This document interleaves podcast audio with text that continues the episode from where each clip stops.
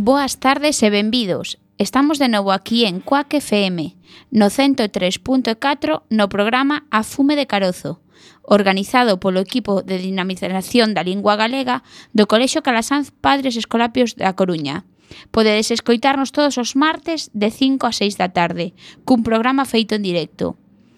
O programa que vamos facer hoxe levaremoslo a cabo os membros do Departamento de Orientación, Eu son Almudena Cotelo, especialista en audición e linguaxe, e son a encargada de levar a cabo o programa de hoxe. Conto coa presenza aquí ao meu carón de Alberto Felípez e a súa filla Emma, que están escoitando aquí o programa. E Alberto é o titor de terceiro B de Educación Primaria. Eu serei a encargada de presentarvos as diferentes entrevistas que imos a ter no programa de hoxe. O programa eh, vámoslo titular As necesidades eh, educativas de apoio específico dende a aula ordinaria, como as atenden os mestres. Así que os contidos que imos abordar intentaremos abarcalos eh, a todos os implicados neste proceso. Na primeira parte farei unha entrevista breve a Alberto, que como vos dicía, era o, é o mestre editor de terceiro de educación primaria. Logo, eh, xa na segunda parte do programa, farei vos un breve resumo ou intentarei que se xa breve de algúns conceptos fundamentais sobre o tema que estamos a, a tratar. Espero e confío non aburrirmos eh, nadiña de nada. Na terceira parte do programa entrevistaremos a dona Belén Carro, profesora de Educación Infantil e mestra de alumnos con necesidades educativas de apoio específico e que tivo moitos casos ao longo da súa trayectoria escolar. Desexamos así mesmo que a nosa compaña sexa do vosso agrado. Que só me queda agradecervos a vosa atención e imos comezar coa presentación do grupo de música que vai nos deleitar o programa de hoxe. É un grupo que a min, personalmente, gustame moito e aquí o Roberto que é o director do Cotarro eh, leixiu as, can as cancións eh, pensando en min un pouco. Hai música que imos escoitar eh, do grupo Heredeiros da Cruz, un grupo de música rock formado no ano 92 por Toñito de Poi, en Castiñeiras, provincia da Coruña, eh, preto da localidade de Ribeira. No 93, da súa fundación e no ano seguinte, presentaron o seu primeiro traballo en directo, que gravaron no ano 94 e que se titulaba A cuadrilla de Pepa Loba. Neste programa, imos escoitar cancións do seu último traballo, Hard Rock con Fe. A primeira canción que os imos poñer titúlase A Duquesa de Poi. Esperamos que vos guste.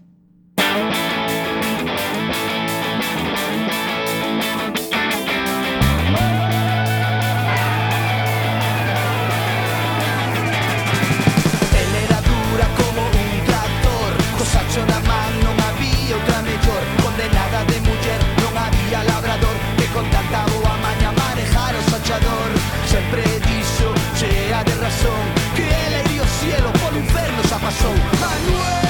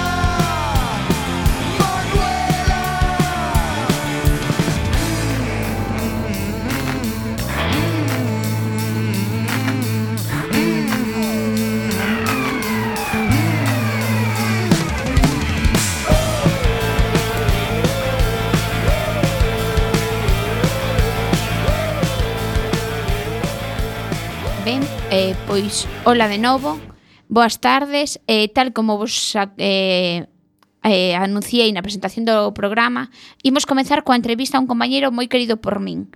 O seu nome é Alberto Felípez. ele é mestre coa especialidade de Educación Física. Dá clase no segundo ciclo de Educación Primaria, que ahora xa non é ciclo, que corresponde aos cursos de terceiro e cuarto. Concretamente, é o titor da terceiro B de Educación Primaria. Na actualidade, Existen na súa aula alumnos de necesidades educativas especiais e alumnos con necesidades educativas eh, de apoio específico.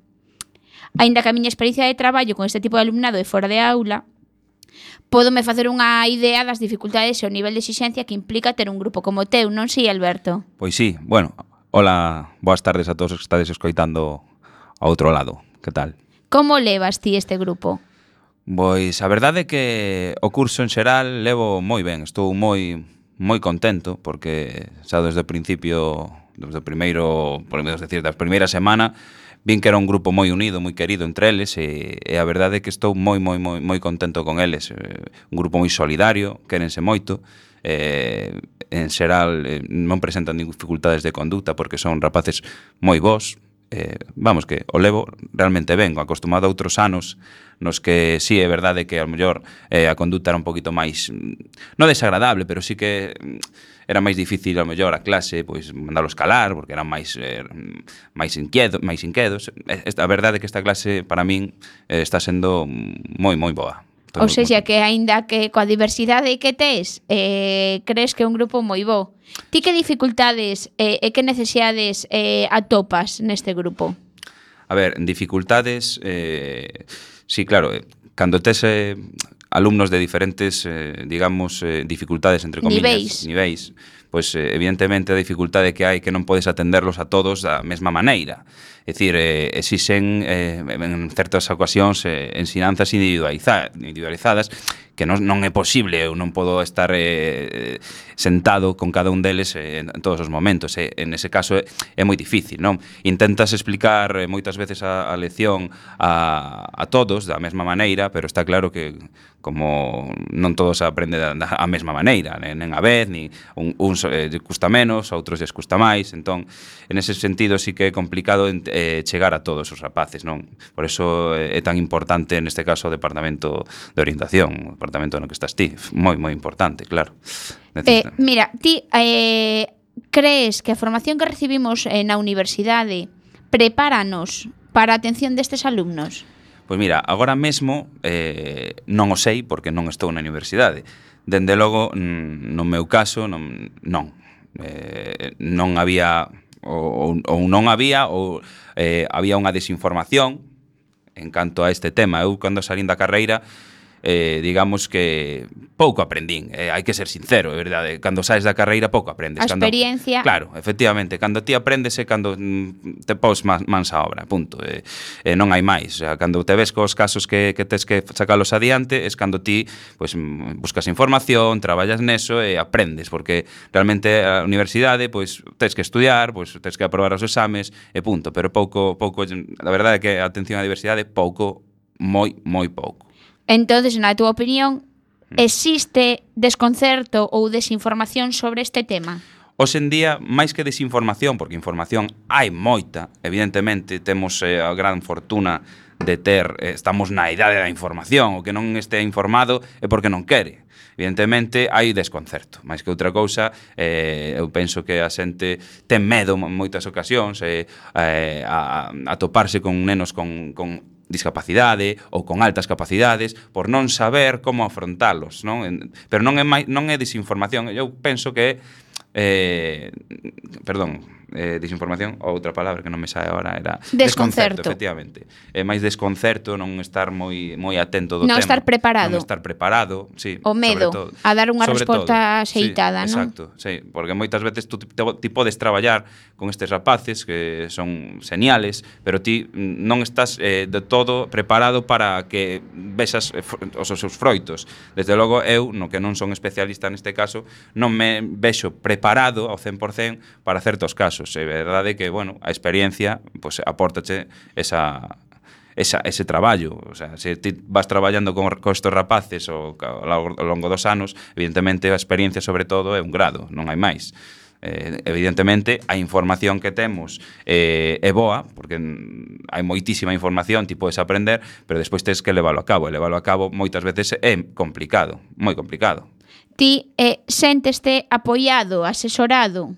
Sí, sí, eu cando, cando teño algunha dificultade ou, ou teño que pedir algo, sempre estades aí para o que sexa, e mantedesme ben informado e, e sin ningún tipo de problema. Nese sentido non teño ningún problema. Se, sentome respaldado 100%, e como eu, eu penso que todo, todo o colexio está a facer unha labor eh, extraordinaria.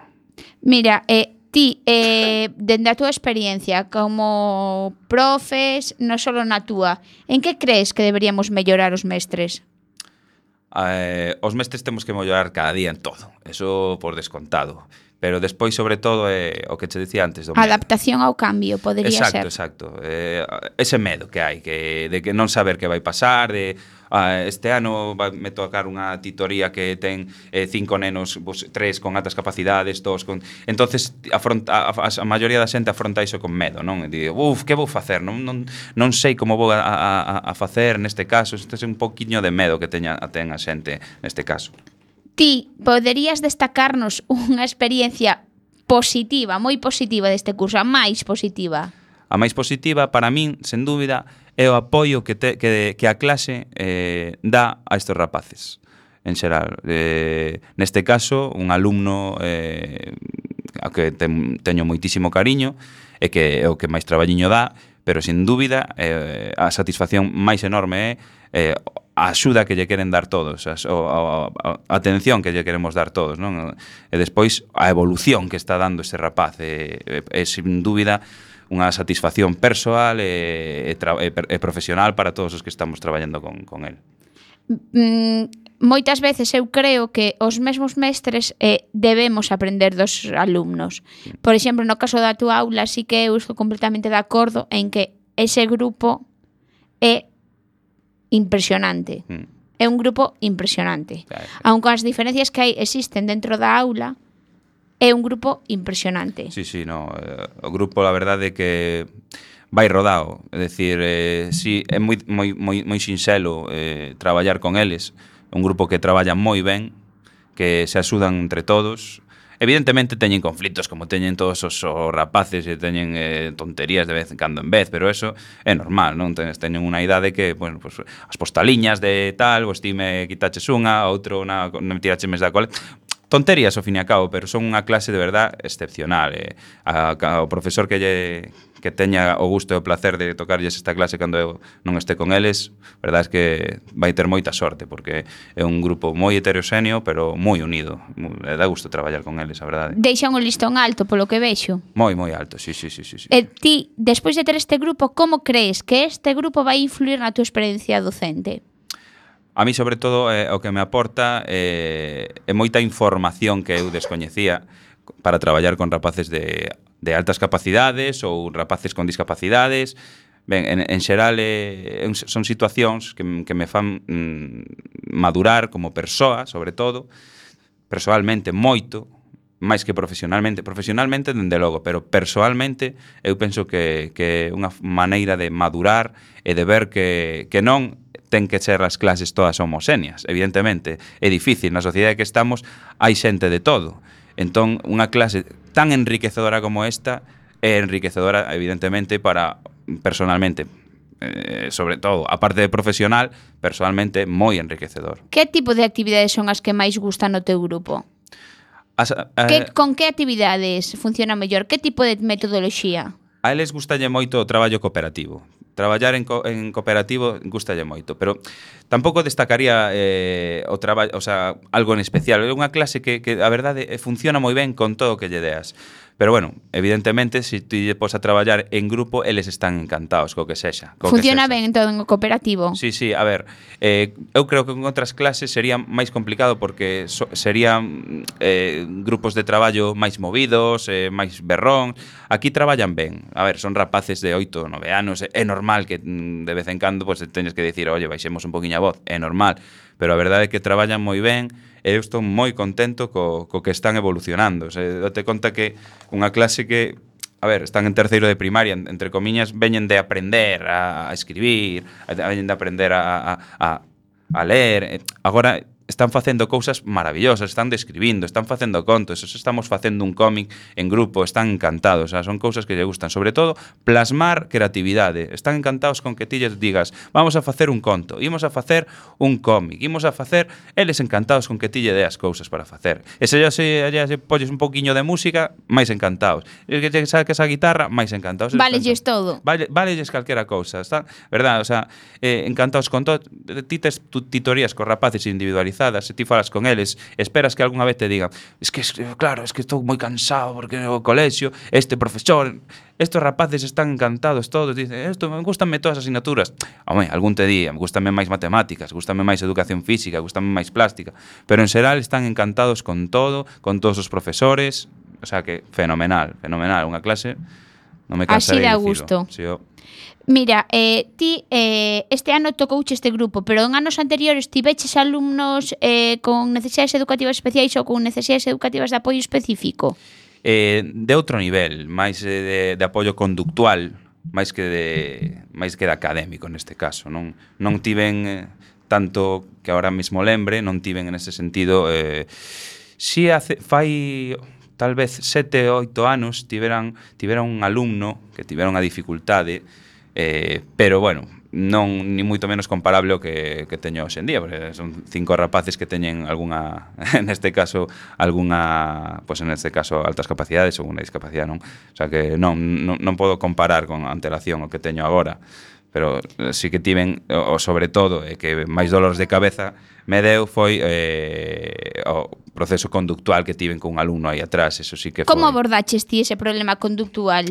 Sobre todo o que intentei é falar co alumno moitísimas veces, falar co alumno, falar coa familia, eh, intentar que cambiara os hábitos que tiña na, na casa, intentar traballar un poquinho máis cada día, eh, intentar falar mellor cos compañeiros.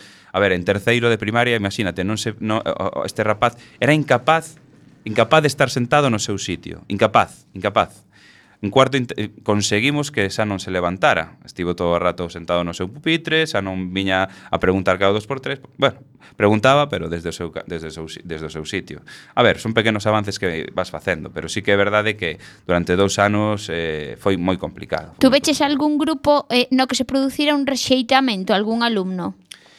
Sí, neste caso, eh, debido a precisamente o tema da conducta, eh, sí que o, o grupo estaba un pouquiño... Mm, non rechazaba, pero sí que... Mm, había certos momentos que non non quería compartir mm, pois pues, ao mellor xogando fútbol en educación física ou se que teníamos que ir en grupo pois pues, non querían ir con él porque evidentemente era unha persoa que estaba continuamente molestando, interrumpindo e, eh, e claro, os alumnos al final non queren ir con unha persoa que este interrumpindo o seu traballo. Rompía a dinámica continuamente. Totalmente, totalmente, todos os días, todos os días. Rompía a dinámica de traballo todos os días, con, con saídas fora de, de lugar, con, non sei, se ti lle comentabas algo, sempre estaba dicindo algo máis por encima, desde que calaba, dire, cala, non, non cala, non cala nin para atrás, nin debaixo da auga, non? Pero bueno. Mira, eh, non é porque este aquí eu diante, pero como está sendo a labor no, do DOE eh, eh, coas necesidades que ti tes dentro da túa aula? Pois Pois moi ben, eh, están todos eh, sempre que teño algún problema, pois es pregunto eh, e facedes un traballo moi moi bo, a verdade? Xa, eh, pasa que sí que noto que a veces estades como un poquinho abordadas, con demasiado traballo, creo que tedes demasiado traballo e que é necesario máis axuda. Eso sí que noto, sí. Sí, o equipo docente como leva o grupo? Ben, moi ben. O eh, que me contan é que están moi contentos co grupo. Eh, en certas asignaturas sí é verdade que algunha profesora eh, di que é un pouco charlatán, sobre todo que a veces tardan un pouquiño máis en, en conectar eh, para empezar a clase, pero bueno, que despois que traballan moi ben e que van evolucionando, o sea que moi ben, moi ben. Solo me queda agradecerche que estés aquí, Alberto, e despois desta magnífica entrevista, E agradezo, agradezo che a túa presenza aquí, a túa disponibilidade, entrega e colaboración. Dá gusto atopar vos mestres e boas persoas como que, a Alberto que témolo aquí. Moitísimas ah. grazas, de verdade. Ah, e agora sí, chegou o momento de disfrutar de novo coa música de Heredeiros da Cruz. Imos coa canción titulada Francisco Chousa, o campeador. A disfrutala.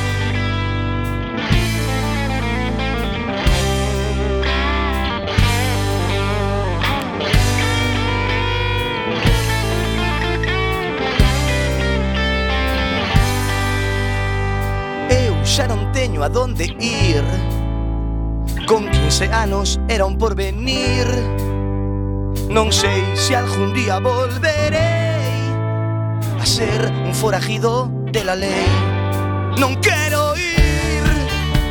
A miña cousa púsose a dormir. Desperta solo pa deixar mormir.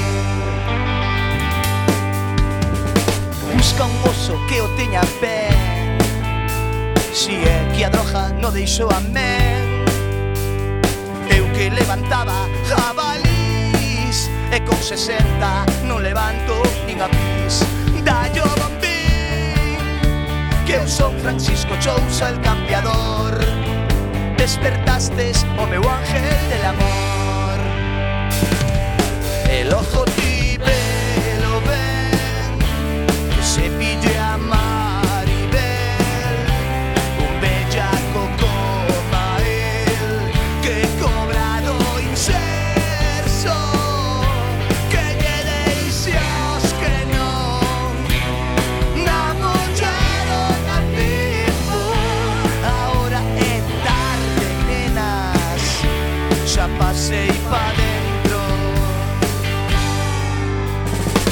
Se descubrir ainda o condón.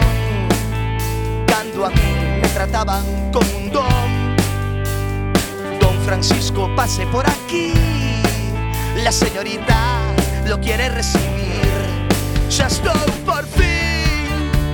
Botei uns cantos anos a dormir.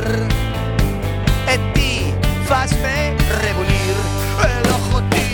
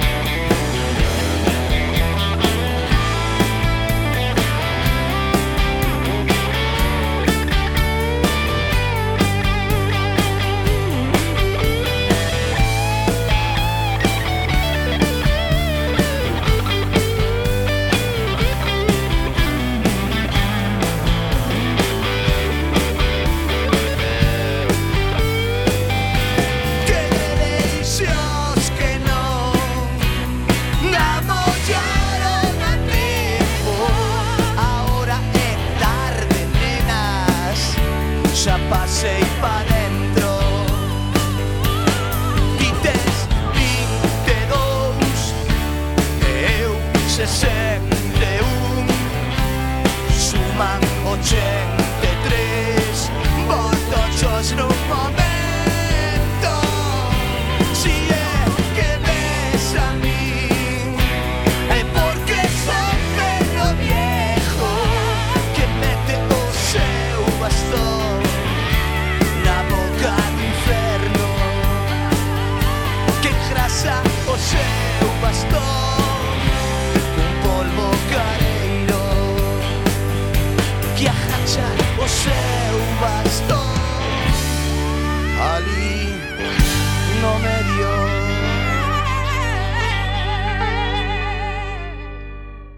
Encántame este grupo, Roberto.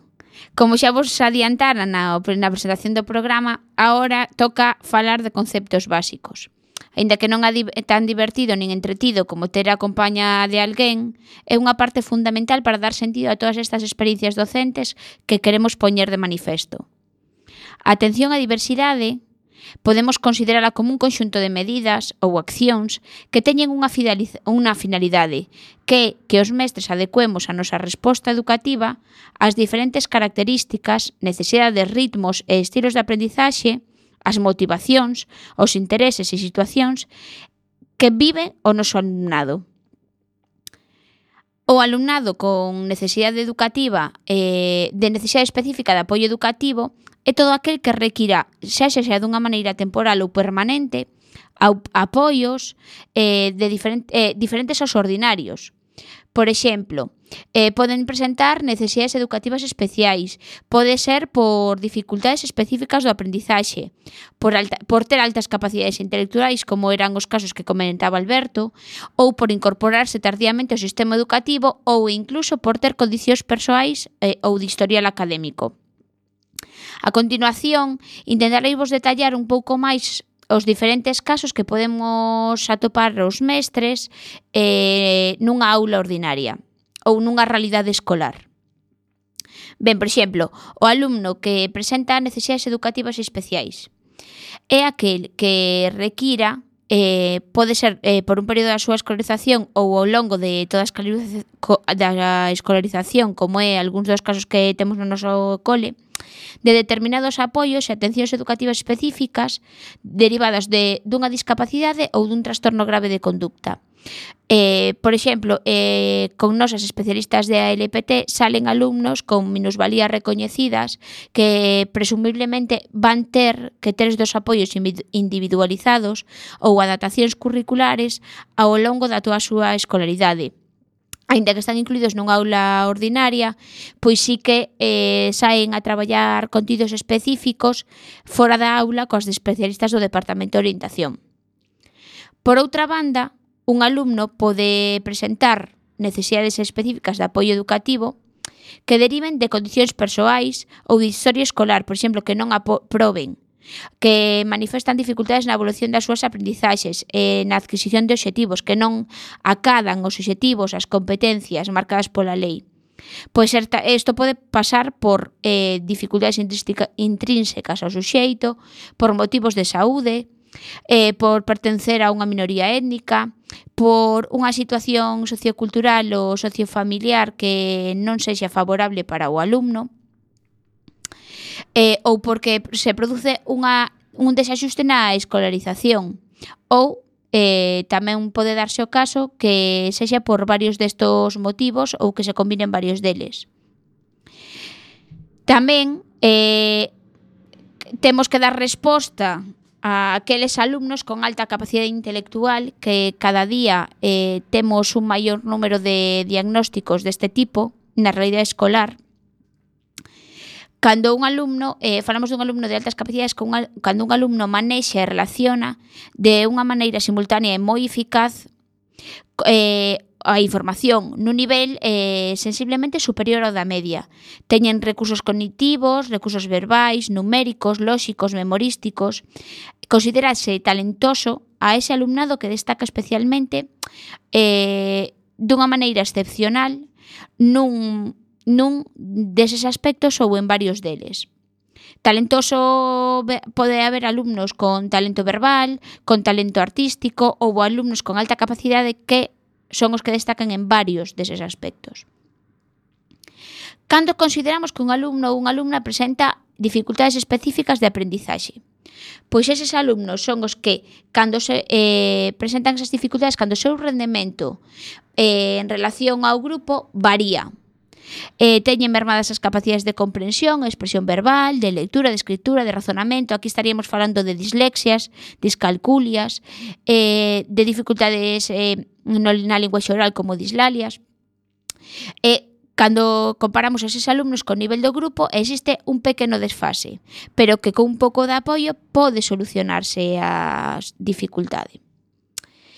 Tamén eh, no Noxoc Centro, por exemplo, non temos moitos casos deste tipo, pero sí existe na realidade escolar de outros centros a chegada de población eh, de orixe estranxeira nosa comunidade autónoma ou o retorno de migrantes galegos e das súas familias, que incide notablemente da, na evolución da diversidade da población escolar, Eh, tamén temos que dar resposta dende o Departamento de Orientación e de os mestres dende a aula a esta realidade.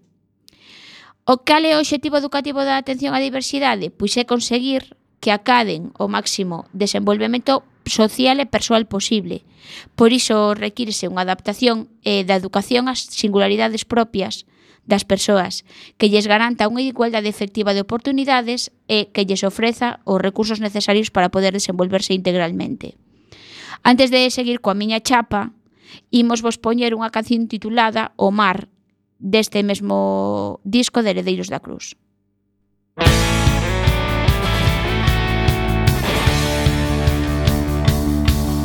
Estou mirando pro mar E viso nas olas instinto criminal. Batendo vento na agua Chovendo tan fuerte inundase o mar. Mamá Dime si papá está ben Que fai llama. Eu quiero saber qué siente, solo falta.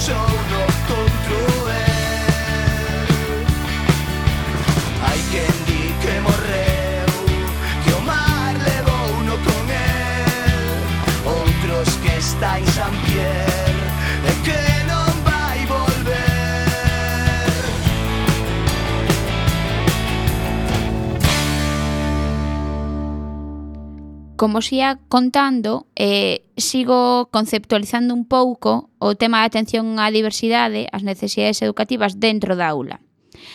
Pois ben, eu son especialista en audición e lenguaxe, vos preguntaredes cal é o papel do Servicio de Orientación ne, na atención á diversidade.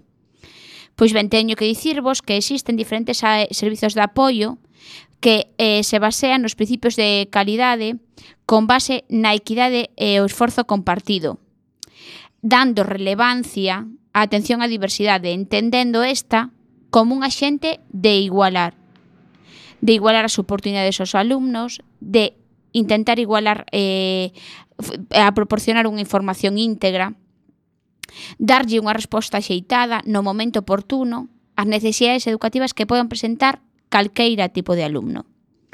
Para poder dar esta resposta, hai uns servicios fundamentais dentro do ámbito educativo, que son os departamentos de orientación, os equipos de orientación específicos e eh, moitos axentes externos que atenden os nosos alumnos. Vou vos falar brevemente de cada un deles. Os departamentos de orientación dos centros. Somos un servizo interno de atención á diversidade, que existimos dentro dos diferentes centros educativos. Normalmente, os departamentos de orientacións depende de, do número de alumnos do centro, pero soen contar eh, cunha orientadora, cunha especialista en audición e lenguaxe e cunha especialista en pedagogía terapéutica. No caso do noso centro, a labor de, da orientadora vai máis enfocada aos niveis de secundaria e bacharelato, E as especialistas da LPT pois encargama, encargámonos máis de primeira man dos casos que poidan xurdir en infantil e en primaria. Aínda que a orientadora tamén intervén en casos puntuais e está informada de todos os casos de educación primaria e educación infantil, pois nós eh, asumimos con un pouco máis de peso eh, os casos desas, desas etapas, aínda que en moitos centros, pois as competencias de cada un están moi marcadas, no noso, pois somos un equipo e eh, cada un vamos sabendo todas de todos os casos. Que facemos nós como Departamento de Orientación? Pois atendemos os alumnos, avaliamos dificultades, eh, intervimos, eh, facemos programas de intervención individualizados cos alumnos. Neste curso estamos a facer un programa de enriquecemento curricular, eh, por exemplo, no curso de terceiro B, nos terceiros e nos primeiros por existencia precisamente de alumnos con altas capacidades. Eu, como especialista, levo a cabo un obradoiro de expresión oral en educación infantil para favorecer, eh, favorecer e estimular o uso da linguaxe oral nos alumnos máis pequenos. Eh, damos apoio ao profesorado, asesoramos as familias, eh, especial, especialmente eh, o noso asesoramento tamén é aos titores, porque dentro do ámbito escolar, cando os pais non están presentes, os titores son os máximos responsables dos alumnos. E asesoramos en xeral a comunidade educativa. E a que se dedican os equipos de orientación específicos, os famosos EOE? Pois son un servicio de apoio especializado, externo, aos departamentos de orientación dos centros educativos. Hai especialistas de diferentes eh, ramas, como poden ser de conducta, eh, de TXD, de audición e linguaxe, de altas capacidades... Están composto, pois, como os digo, por diferentes profesionais que pretenden dar resposta ás necesidades de intervención que poden xurdir nos centros educativos. Nos, por exemplo, cando detectamos unha dificultade eh, eh, moitas veces facemos unha derivación ao E pois para corroborar eh, a existencia ou non desa dificultade para corroborar eh, se estamos tomando as medidas axeitadas con ese alumno, para que nos asesoren coas medidas eh, que temos que tomar, para que proporcionen asesoramento a familia ou para, por exemplo, se queremos cambiar unha modalidade de escolarización dun alumno porque creemos que a modalidade de escolarización que ten ese alumno non é axeitada, pois eh, chamamos ao EOE para eh, pedir o cambio de escolarización, que non sempre se produce. Ainda que consideremos que sería beneficioso para o alumno, tamén depende algunhas veces das familias. Pois, eh, máis que nada, eh, a actuación eh, nos mantemos un contacto directo do dentro do Departamento de Orientación cos equipos de orientación específico e, e pegamos unha chamadiña e sempre están disposos a asesorarnos. Tamén teremos que agradecerlle a súa labor. E tamén, como vos dicía ao principio, eh, hai moitos especialistas externos que atenden aos nosos alumnos desde diferentes etapas. Por exemplo, alumnos con autismo acoden a, aso asociacións como Asperga ou Aspanais eh, para recibir unha atención eh, e unha intervención en algunhas dificultades puntuais que teñen. Existen alumnos que acoden a psicólogos externos, a logopedas externos, a gabinetes psicopedagóxicos que lles axudan coas tarefas escolares, eh, familias que acoden a eh, pois por asesoramento, etc. E nós desde o centro, eh, con eses especialistas externos, temos unha colaboración moi estreita, tanto co Servicio de Atención Temprana do Materno, porque tamén temos alumnos que acuden a él, pois mantemos eh, comunicación a través do correo electrónico sobre todo, entrevistas, eh, facemos entrevistas no noso cole con cos especialistas externos e coas familias, eh, con todas as persoas implicadas que atenden a eses rapaces. Así que a atención á diversidade creo que está bastante ben cuberta eh, para a realidade escolar que temos. Pero toda vos esta información, se queredes ampliala ou consultala, podedes encontrala na páxina web da Xunta www.eduxunta.es porque eh, o que quixen é facervos un breve resume que ao final non foi tan breve eh, desta información porque me parecía importante. Pero para que nos despexemos un pouco e podamos asumir estes conceptos, imos eh, desfrutar novamente da música que nos preparou Roberto, que aínda que a él non o escoitades, é o que fai posible que cada martes teñamos a oportunidade de poder vir a Coac FM. Así que grazas Roberto, e como xa vos dixen, eh, toca Non che teño medo do novo disco de Heredeiros da Cruz. Esperamos que vos guste.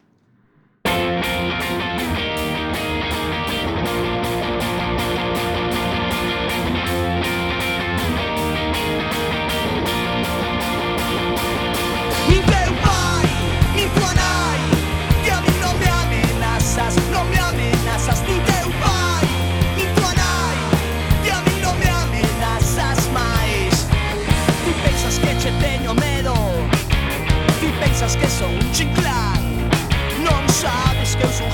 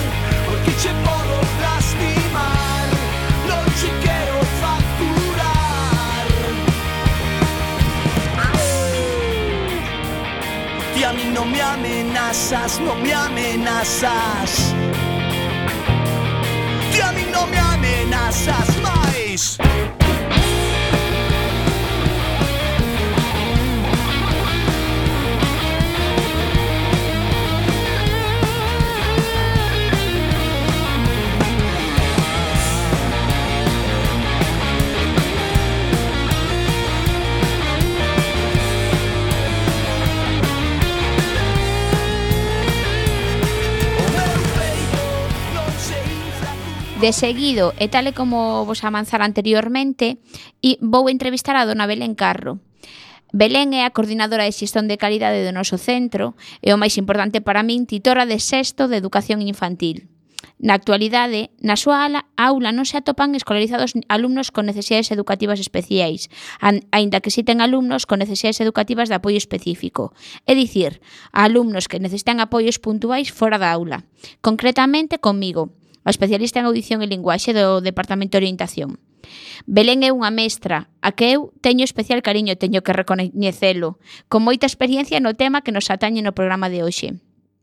Xa foi titora de varios alumnos con necesidades educativas especiais, pero imos preguntarlle por un caso en concreto, pois durante tres anos foi titora dun alumno que na actualidade posúe unha minusvalía recoñecida, Durante os anos nos que estivo ese alumno escolarizado na súa aula, non posuía ese certificado e simplemente era considerado como un alumno de necesidades educativas de apoio específico, en lugar das necesidades educativas especiais que presentan na actualidade. Despois desta breve introducción, pasamos a falar con Belén. Boas tardes, Belén. Hola, boas tardes. Mira, e se che parece, imos comenzar con unhas preguntas que teño preparadas, pero ti síntete coa liberdade de contar a tua experiencia tal e como a viviches, vale? Vale, perfecto, Almudena. Mira, antes de ter a Nico na túa clase, tiveches algún outro alumno con necesidades educativas especiais? Eh, si, xa fai algúns anos tuven outro rapaz na miña aula que tiña síndrome de Down, que foi o primeiro alumno que tuven con necesidades especiais. Eh, foi un reto moi importante para mí como mestra, porque era a primeira vez que me encontraba mm, con un alumno destas características, pero tamén recoñezo que foi unha, unha experiencia moi gratificante. Mira, e ti como describirías a túa experiencia no día, no día a día cun alumno de necesidades educativas especiais na etapa de educación infantil, sobre todo en tres anos, como entrou ese alumno do que me falas agora? Bueno, cando ese alumno entrou na nosa escola, eh, o día a día da aula era bastante levadeiro, porque el integrouse rapidamente no grupo de referencia que era a aula, sí que é certo que mm, en tres anos as dinámicas de traballo son moi abertas e os tempos son tamén moi abertos, non están tan estructurados como noutras etapas educativas, e eso favorece que poidas dedicarlle tempo a estes alumnos e a adaptarte un pouco ás súas necesidades. Sí que é certo que eh, custalles un pouco máis gañar tempos de atención nos que outros alumnos van avanzando de maneira máis satisfactoria, pero eu penso que unha dinámica bastante aberta que temos nesta etapa que favorece a integración destes alumnos dentro da aula. Ti cales crees que son os principais inconvenientes que te encontraches para atender ese alumno dentro do grupo? Eh, bueno, neste caso, eh, cando tuven a, a este outro alumno, eh, cando tiven a Nico, os dous primeiros anos de... Mm, de traballo con eles na clase foi bastante levadeiro, porque, bueno, un pouco, eh, sobre todo en tres anos, traballase autonomía, unhas destrezas básicas, que subiran no centro, que sean capaces de poñer o abrigo, ir o aseo solo, bueno, unhas eh, ensinanzas que se basan máis na autonomía dentro da aula que en outro tipo de destrezas ou, ou adquisición de conceptos. As primeiras dificultades empezan a xurdir canto os tempos de traballo son maiores, cando, por exemplo, en cinco anos xa o proceso de lectoescritura está máis avanzado e se dedica máis tempo, e a eles custalles un pouco seguir uh, os ritmos, non? Entonces, aí sí que encontro as dificultades, tanto máis vai, vai avanzando as dinámicas de aula, as dinámicas menos abertas, con tempos de traballo mar, máis marcados, con actividades que requiren unha precisión maior ou unha atención maior, é cando se notan, xa se empezan a notar esas dificultades. Ti crees que dentro da aula ordinaria podemos dar resposta a esas necesidades educativas que presentan este tipo de alumnos?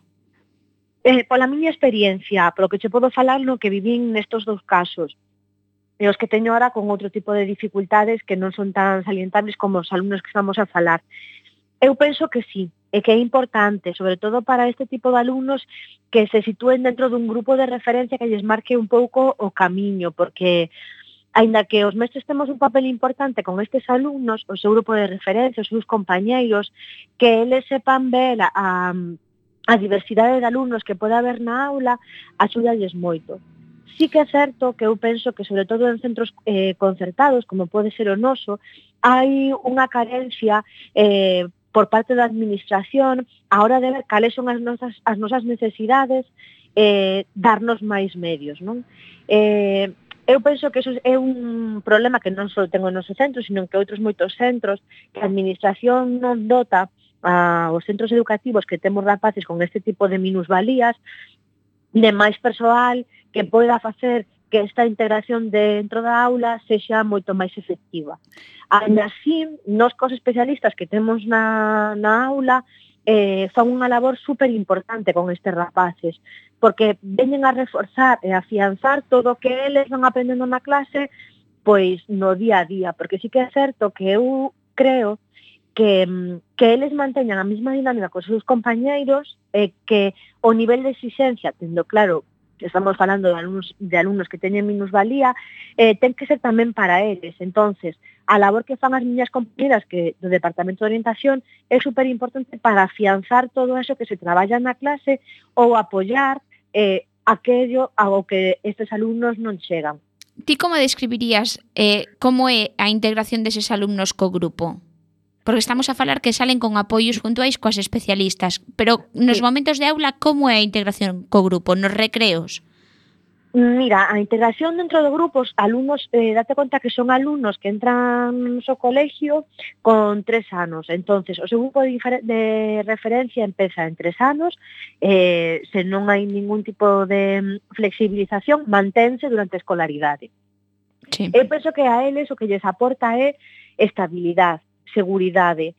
Sí que é certo que en casos no que a frustración eh, fai que estos alumnos teñan un comportamento que a veces non é o axeitado, eh, que ne lo pagan, entre comillas, son os compañeiros de aula. Pois, por exemplo, nos xogos de recreo, canto máis maiores se van facendo, os seus tipos de xogos son diferentes e tamén requiren que o coñecemento das reglas, a capacidade de comunicación, o tipo de roles, eh, vai cambiando. Cando estos alumnos non son capaces de manter ese xogo co seu grupo de iguais, xurde moitas veces a frustración. E cada un xestiona a frustración a súa Como maneira. Pode, sí. Uns máis agresivos, outros menos, a veces velos solos, outras veces velos xogando por atrás, pero sí que é certo que se si ti intentas intervir en que eu penso que o tempo de recreo ten que ser un tempo libre no que eles busquen os seus espacios, mm, son menos que nunca están solos que sempre hai algún compañeiro que lle estén a man.